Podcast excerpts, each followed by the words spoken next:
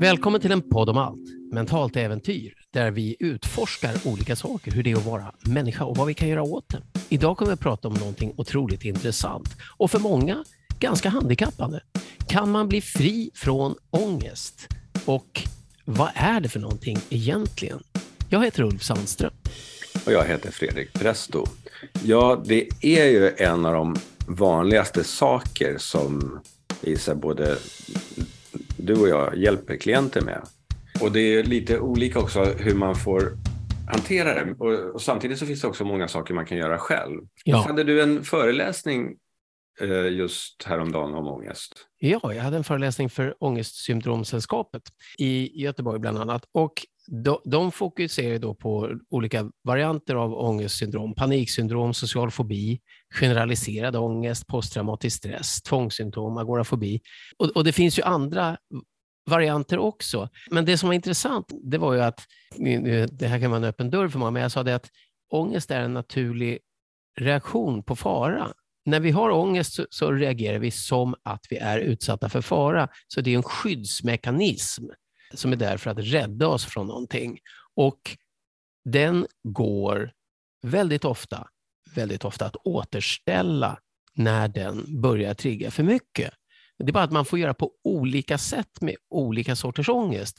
Så att även om man kan tycka att det här går att hjälpa och det här kan man bli av med, så är det inte samma sätt för alla. Eh, det där håller jag eh, helt med om. Det, bara när du räknade upp alla olika, du sa till exempel agorafobi. Fobier eh, funkar ofta en metod, inte, inte för alla fobier alltid, men ofta en metod som heter Fast Phobia Cure. Så där, där skulle jag specifikt använda den metoden. Men sen har vi också det som både du och jag jobbar med, som du jobbar ännu mer med, och det är tapping. Ja, alltså en del, en del intervention, alltså när det handlar om nervsystemet som reagerar, då, i varje fall min erfarenhet och din också Fredrik, så är det så att det är väldigt svårt att tala nervsystemet till rätta. Därför att det, det reagerar bortom tal och tanke. En, en fobi eller en flashback eller, eller ångest överhuvudtaget, den kan vara närvarande fast hela vårt kognitiva centrum är nedstängt. Men det som var intressant var att när jag säger att just det är inte en, jag anser inte att det är en sjukdom att ha ångest, men Nej. det kan bli ett sjukdomsliknande tillstånd om du har det hela tiden. Eh, men ångest i sig är inte en sjukdom, utan ångest i sig är en skyddsmekanism och man kan väldigt ofta bli fri från den. Och, och då var det några stycken som tyckte att det var otroligt skönt att bli påmind om det. För det är lite hoppingivande, för många gånger när man googlar på det så, så brukar det stå att man ska lära sig att leva med det eller acceptera det eller medicinera det. Och det är inget fel i någon av de sakerna. Och vill man då undersöka om man kan kanske stänga av en del av de där triggersarna så, så kan man göra det också. Men jag tänkte ja. vi kunde berätta lite om klienter som, som har blivit hjälpta, för det är inte ett löfte om att det funkar för dig som lyssnar, men det är i varje fall eh, ett hopp där du kan se hur det har blivit för andra. Absolut. Jag hade bara häromdagen en klient, en, en flicka som hade då, eh, hon kallade det för prestationsångest, men det var verkligen, verkligen ångest. Och där, där började vi med, alltså jag sa till henne, eh, mamma satt med också, jag sa till henne, men om du tänker på någonting nu då som ger dig ångest, och det hade mycket med skolan att göra, och mycket med prestationer i skolan då, liksom rädslan för att få misslyckas på ett prov eller vad det nu kan vara. Så bara tänk på någonting som ger dig ångest. Och så tänkte hon på det och så frågade jag hur stark är ångesten? Det syntes ju att, att det var jobbigt. Eh, från 0 till 10 och då sa hon 8. Och då började, eh, och jag gör ofta det, då börjar jag med tapping då, eh, TTT, två eh, varv. Kropp, kroppsbaserad metod där man trummar exakt, på lite olika exakt. punkter på kroppen. Och det står om det i texten till, till den här podden. Precis. Så, och, och då gick ångesten ner till, jag för mig att det var en tvåa. Och grejen med det här då, då är det också en sak, för det här är en sak som hon kan göra själv. Och i och med att jag börjar med det så får hon också ett bevis för att det funkar. För hon, hon blev verkligen förvånad när jag frågade hur känns det nu? Och, eh, nej, det var med, medan jag knackade till och med. Eh, så sa hon, jag tror redan att det är borta. Ja, men vi kör färdigt ändå, så jag, för det ska man alltid göra. Så det var du som knackade på henne? Ja, jag gjorde det den här första gången, för det går lite snabbare än att förklara. Och, och bara du som lyssnar, så du ska slippa uh, leta efter det. Det finns en ja. app som heter Self-Help for Trauma som finns för, för uh, både Apple och uh, Android. Self-Help for Drama, där finns det en instruktionsfilm och den bara följer. Det tar fem minuter att göra en, en knackning eller tapping som det heter. Ja, så det var det första vi gjorde. Och sen så hade hon, sen så, det, det tar lite för lång tid under en session att göra allting det om hon har många saker som gör ångest. Så sen testade jag då en metod som kallas för dissociation. Så jag sa att okej, okay, nu vet jag att det här funkar. Tänk en annan tanke nu som ger dig ångest. Har du det? Och hur stark är den? Jag tror den också var en åtta. Och då är det, den tanken är ett scenario hon spelar upp. Jag vet ju inte ens vad det är, men det kanske är att hon, att hon får underkänt på ett prov eller vad det nu skulle kunna vara. Så om du tar det scenariot och så håller jag upp min telefon, jag sitter ett par meter ifrån henne. Och så tänker jag att du ser det här på istället. Så hon tittar på min telefon. Så att allting är så här litet. Ja, precis. Så allting är så här smått. Så här är du och här får du, får du veta det dåliga eller vad det nu är. Eh, hur starkt är det då? Ja, men då är det en uh, trea tror jag hon sa. Okej, okay. om vi vänder den upp och ner och då vänder jag telefonen upp och ner. Det, det är ju ingenting på den, men hon får ju fantisera om det. Så du är upp och ner och får veta det här. Hur känns det då? Ja, men då är det noll, så. Mm, ja, men då är det det vi ska göra. Och jag har en liten chihuahua som skäller här, hon vaktar. Det är okej. Okay. Men hon, hon, har aldrig ångest.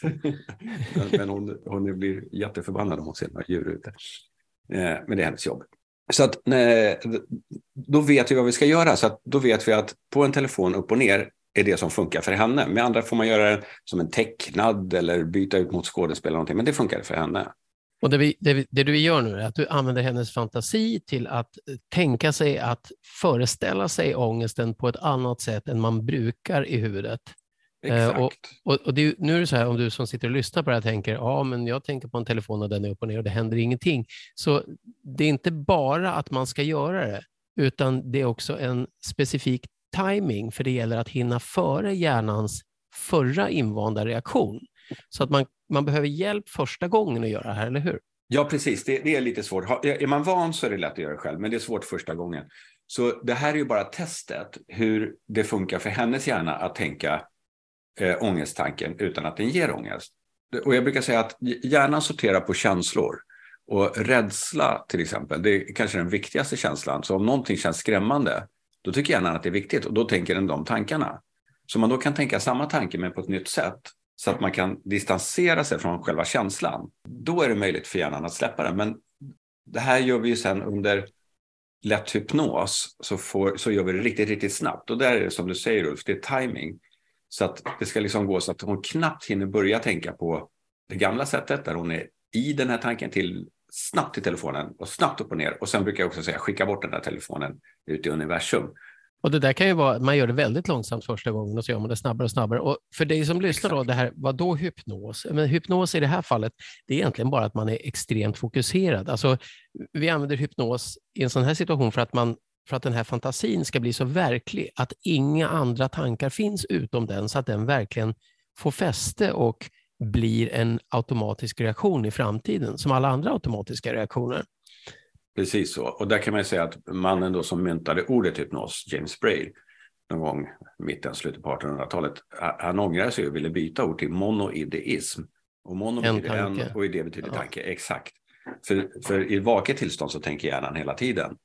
Men eh, under hypnos så kan vi fokusera på en tanke i taget. Och, och det som du säger Ulf, det, det, är det som är det viktiga med hypnos. Och, och då kan man ju säga att när, när det gäller alltså, en likhet i alla Alltså en gemensam nämnare för alla ångesttillstånd är att organismen, kroppen, däggdjuret vi bor i, reagerar som att det är livsfara. Ångest säger spring härifrån i princip, sätt dig i säkerhet. Så man får hög puls, det blir stresshormoner, kortisol, adrenalin, andning, tunnelseende, tarmarna kan tömmas. Så att extremt många, kan man säga, ja, sånt som man går till läkaren för när man försöker få hjälp med och inte riktigt vet vad det är, som tarmar, IBS eller generaliserat. Ja. Extremt mycket av det är sådana reaktioner i grund och botten. Och egentligen kan man säga, kan man få, kan man känna sig trygg trots att man har den här tanken, så har man inte längre ångest som en reaktion på tanken. Och Det kan vara tanken internt eller någonting externt som triggar den. Mm. Så egentligen handlar allt det här om att hitta ett sätt att helt enkelt vara trygg. Och om du tänker så här, om du tycker spindlar är läskiga, vilket spindlar är inte behagliga direkt, men om man tycker spindlar är läskiga, om man då så fort man tänker på en spindel ser en jättestor spindel precis framför näsan, det är klart att man reagerar med, med eh, en jättereaktion. Mm. Men om du nästa gång du tänker på en spindel ser en pytteliten spindel en kilometer bort i en rymdraket med en mexikansk hatt som sitter och spelar flöjt. Hur fånigt det än låter, kan du accessa den tanken automatiskt Mm. så får du inte samma reaktion på tanken om spindlar. Nej, precis. Och, se- och sen eh, återigen, det, det kan vara lite knepigt att göra de sakerna själv. Vad du alltid kan göra själv är ju tapping. Ja, och, he- och Haven ska jag slå ett slag för det här, för du som lyssnar på det här, om du bara sätter ihop händerna och så gör du som en cirkelrörelse, att du rullar en liten glaspärla mellan dem. Eh, och så försöker du hitta en hastighet som, som känns bra. Att bara så att säga, låta handflatorna göra friktion mot varandra i en cirkelrörelse, om du gör det i 3 till 5 minuter så kommer du att sänka din stressnivå. Och Det kallas havening och är en, en annan metod som bygger på forskning på på tapping av en läkare som heter Dr. Ronald Ruden.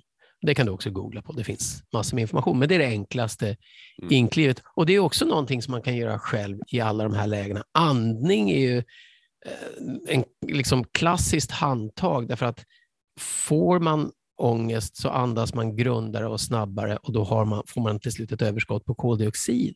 Och den obalansen gör att hjärnan säger, men jösses, jag har inte syre. Eh, vilket gör att den påskyndar alltihopa så blir det en loop och det kan eskalera i en panikattack som då känns som att man ska dö och det är otroligt läskigt men det är inte farligt i sig. Och tar man då kontroll över andning och kanske gör hävning med händerna eller över axlarna, man sätter händerna på axlarna och drar ner över armarna och kanske helst att någon annan gör det, då får man stopp på panikattacker och det tar inte lång tid. Det här är första hjälpen, det har vi Mm. lärt ut och använt i både flyktingläger och för, för ambulanspersonal och andra. Och grejen med det här då, det är att det, det är fullt möjligt att göra själv. Eh, Ofta om man är i en panikattack så är det svårt att komma ihåg att man ska göra det. Jag vet inte om du håller med mig där Ulf? håller Finns det någon annan som gör det så, så, är det, så, är det, så funkar det. Så det funkar men det är svårt att komma ihåg när man, att göra det när man får panik för då är man mitt i paniken. Jag skulle säga det är ovant att komma ihåg det om man inte har gjort det innan och övat som allting exakt, annat. Exakt, bra, bra eh, omformulering där. Så, så därför att göra det innan, man kan göra det, bara dra från axlarna ner till armbågarna på armarna och sitter och gör det en stund. Och medan man gör det, tänker på någonting som, eh, eller, eller innan man gör det till och med, tänk på någonting som ger ångest, men inte sådär superstarkt, utan bara gå in i det lite grann. Och sen gör du den där några minuter. Och sen tänker du samma tanke igen och då brukar det faktiskt inte den tanken eh, skapa någon reaktion. Och då kan man säga att det som skiljer de här förhållningssätten som vi pratar om nu, det är att när du, när du exponeras för någonting som triggar din ångest, vare sig det är någonting utifrån eller en tanke internt, ett intryck, någonting du inte är medveten om vad det är kanske till och med. Mm. När det är aktivt, om du gör de här, om du lugnar ner systemet med andning, med havening, med tapping, med dissociation om du har hjälp av någon, eller helt enkelt bara gå in i ett flow, alltså gör dig själv upptagen med dataspel eller någonting som gör att hjärnan inte fortsätter att grotta i det, så kommer det här att lugna ner sig. Det är inte samma sak som att du utsätter dig för det tills du står ut med det, vilket är Nej, exponeringsterapi. Exakt. Och där kan jag säga att, och där kan jag säga att både du och jag vet och har haft klienter som, och vi säger att vi vet att exponeringsterapi fungerar. Mm. Vi vet också, och det finns det forskning som visar, att det är lite kvitt eller dubbelt. Om, om man har otur när man jobbar med exponeringsterapi, att man utsätter sig för det, så kan det bli att systemet istället förstärker och att man får fler symptom som är starkare än att det försvinner, därför att man gick lite för snabbt fram. Mm. Både du och jag har haft sådana klienter som har varit med om det. Så vi, vi säger alltid, gå till primärvården och lyssna på dem. Det är deras jobb och de vet vad de gör. Och skulle det vara så att du råkar ut för att, att det, in, det som föreslås inte fungerar, så, så finns det fler alternativ. Eh, nej, men vad jag tänkte på också, det, det, eftersom jag har en liten chihuahua här som ligger och vaktar, det är att där är vi människor lite unika. Vi kan ju föreställa oss eh, scenario, scenarier som eh, ibland kan vara skrämmande då. Så vi, vi alltså en, en hund är ju i princip i nuet. Hon kan drömma, hon kanske kan föreställa sig lite saker, men hon tänker inte katastroftankar. Nej, och, och tvångssyndrom, OCD, katastroftankar, automatiska negativa tankar, de är ju otroligt ångestdrivande. Mm. Och, och, vi ska inte gå in, alltså vi ställer inga diagnoser, vi, vi jobbar utifrån den känsla man har i situationen. Mm. Men för den som har en sån och den som har fått kanske en diagnos generaliserat ångestsyndrom, där har jag i alla fall haft klienter som, som har upplevt att på ett sätt kan det vara skönt att få en diagnos för man kan få veta att man kan få hjälp eller söka hjälp mm. eller göra någonting åt det. Men på ett sätt, om det, om det ingenting hjälper så hjälper inte diagnosen i sig. För generaliserad ångest i min värld eh, betyder inte att den är generaliserad. Det betyder att det är alltid något som triggar den specifikt, men man vet inte vad det är. Exakt, det där har vi pratat om förut. Det går inte att hjälpa till med någonting som är generellt, utan man måste utgå från specifika saker. Men tar du tillräckligt många specifika saker och depotentierar, som vi säger, dem, dem då kan systemet generalisera tillbaka. Ja, så att om, om man då säger ja, men jag, jag får ångest i situationer där jag inte vet vad som triggar den. Istället för att då säga ja, det, det betyder att den är generaliserad, så säger jag istället att jag vet inte vad som triggar den, men nu kan jag använda havening eller tapping för, eller andning eller någon annan somatisk kroppsbaserad intervention för att lugna ner mitt system och då, då kan den situationen strykas från listan. Sen tar man en efter en situationer där det dyker upp och då blir det en generalisering åt andra hållet, det vill säga systemet slutar att trigga. Men tvångstankar som vi var inne på, det är otroligt knepigt och där, jag hade en klient som hade varit eh, faktiskt tio år och fått hjälp med många olika saker. Eh, men det var en grej kvar och eh, kom den här klienten till mig och det var att åka kollektivtrafik. Och där fanns det då en massa tankar om att, eh, vad som kunde hända eller skulle hända och det var ett obehag. Så jag, jag bara frågade, kan du, kan du se dig själv kliva på en, en buss till exempel Nej, bara tanken på, på en buss var liksom räckte. Och då är vi tillbaka på den här spindeln på näsan. Så att, vad jag gjorde var att jag sa, kan du göra det här med händerna, att göra den här cirkelrörelsen själv bara, det som kallas för havening. Mm. Och då är hjärnan igång och gör någonting för att skapa lugn själv, det vill säga hela hjärnan kan inte längre är inte disponibel för att skapa ångesttankar, en del av det håller på med händerna. Eh, och och då sa jag, eh, säg någon som du tror skulle kunna åka buss. Det var Pippi Långstrump, hon, hon kan åka buss hon. Och det var en fantasi, men då sa jag bara, kan du se Pippi hoppa på din buss? Var sätter hon sig? Hon sätter sig, eh, hon sätter sig längst fram bakom chauffören. Ja. Och hur ser det ut där i bussen där Pippi sitter? Eh, beskriv genom Pippis ögon och hela tiden med händerna. Så, mm. Nej, men eh, det plingar när folk ska vid hållplatsen, eh, det gungar till när den stannar, man hör psh från bromsarna och det sitter någon barn bakom och sparkar lite på ryggstödet. Och, men det här var liksom alltså, lite jovialiskt nästan en beskrivning genom Pippi. Mm. Och det här är ju en lättare hypnos. Fantasin är engagerad, andra tankar försvinner och det finns en fysisk säkerhet med att röra händerna på det där sättet som är havening.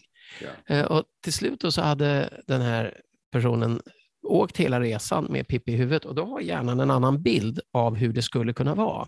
Mm. Eh, och då sa jag, kan du tänka dig att eh, hoppa in och sätta dig bredvid Pippi och åka med hela resan? Ja, det kunde personen göra. Och sen så kan du tänka att du hoppar in och tar Pippis plats helt enkelt och gör hela den här resan igen. Och då kunde personen göra det.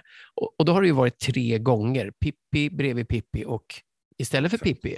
Och då kan man få den här generaliseringen. Och sen så sa jag bara att du kan sluta med händerna, du kan öppna ögonen. Eh, om du nu tänker på att åka buss, det som förut då var en 8-9 på en sån här självupplevd obehagsskala, sudd. Vad känner du nu? Och då bara log personen och sa, nej, jag... Alltså, jag ser bara Pippi framför mig. Ja. Och då skulle någon kunna säga, ja, just nu är det okej, okay, och, och, men hur, hur, blir det sen då när man väl är i bussen och Pippi inte är där? Men faktum är att när hjärnan, hjärnan skapar den här fantasin även om man är i bussen. Så att ångest är en reaktion på vad hjärnan skapar för fantasi i stunden, oavsett om den stämmer med verkligheten eller inte. Så att personen gick därifrån och, och hörde av sig senare på dagen och sa att det är lustigt. Jag, Först tänkte jag på det när jag gick därifrån från det och sen så pratade jag med någon på telefon och så åkte jag hem och så kom jag på att, att jag hade åkt hela vägen hem utan att faktiskt reagera. Precis, och, och det är rätt coolt. Jättebra exempel på uh, hur det kan gå till och hur gärna. Och, där, och där, är, det, där är återigen då, det hade varit svårt för den klienten att göra det själv. För att så länge du är med, påminner om att göra det här med händerna, guidar. För, för gör man det själv så börjar man tänka buss och så går man väldigt lätt in i ångesttankarna i alla fall. Ja, det är ju timing, det är ju timing-grejen där. Det, exakt, om, exakt. Om, du ska, om du ska gå på en bar eller kliva över en bro eller kliva över en bäck eller något. Om du gör det i ditt eget tempo och börjar tveka, då kan din tvekan stoppa det och så stannar du mitt i. Men om någon håller dig i handen och liksom säger häng på här, kom igen, nu, nu kör vi, boom. Då hinner du över innan du hinner tänka efter. Mm. Och, och, det är det som är tricket med många av de här grejerna. Inte jätteknepigt ja, faktiskt, men eh, mycket lättare. Ja, det, ja, precis. Hjälp. Det betyder inte att man inte kan göra det själv. Men det är mycket, mycket enklare om någon är med och eh, guidar. Bara för timing skulle jag. Precis. Men framförallt eh, tapping och havening, det, det kan mm. man jobba med själv. Precis.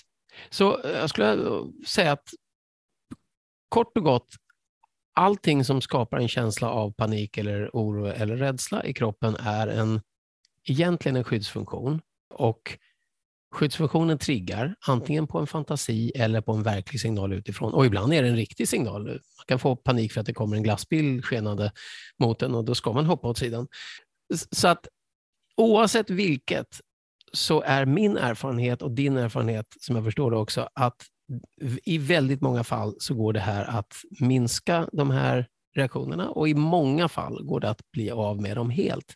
Och då handlar det om timing och en kombination av olika metoder och en del av det kan man göra själv och det är då bland annat tapping och havening. Du som eh, har en fråga nu och undrar över någonting, du kan eh, mejla oss på info.enpodomalt.se. Vi svarar faktiskt förr eller senare. Och om det är så att du har något ämne du vill att vi tar upp eller någonting du vill att vi förklarar eller undersöker.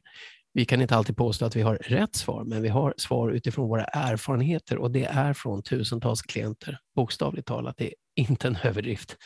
Och, och det anledningen att det är, att det är många, det, det är därför att vi träffar dem inte så jättemånga gånger, utan den sortens metoder som vi jobbar med ger oftast resultat snabbt, vilket gör att man träffar många få gånger istället för exakt, ett fåtal många så, gånger. Så vi är inte tusentals klienter som vi har jobbat med i flera år, utan vi har tusentals klienter just för att eh, vi använder de här metoderna som går snabbt.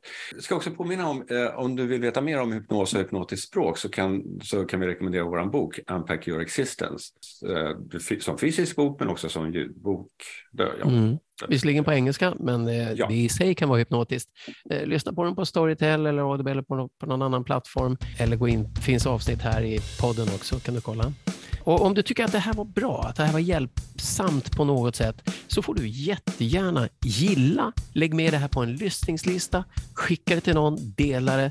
För när du gillar och delar så är det fler som kan upptäcka det och det gör att vi blir peppade att ta upp ännu fler saker. För att vi gör det här för att vi vill dela med oss av de erfarenheter vi har när vi jobbar med folk som vi tror att andra kan ha nytta av. Ja. Eller vi vet att andra kan ha nytta av.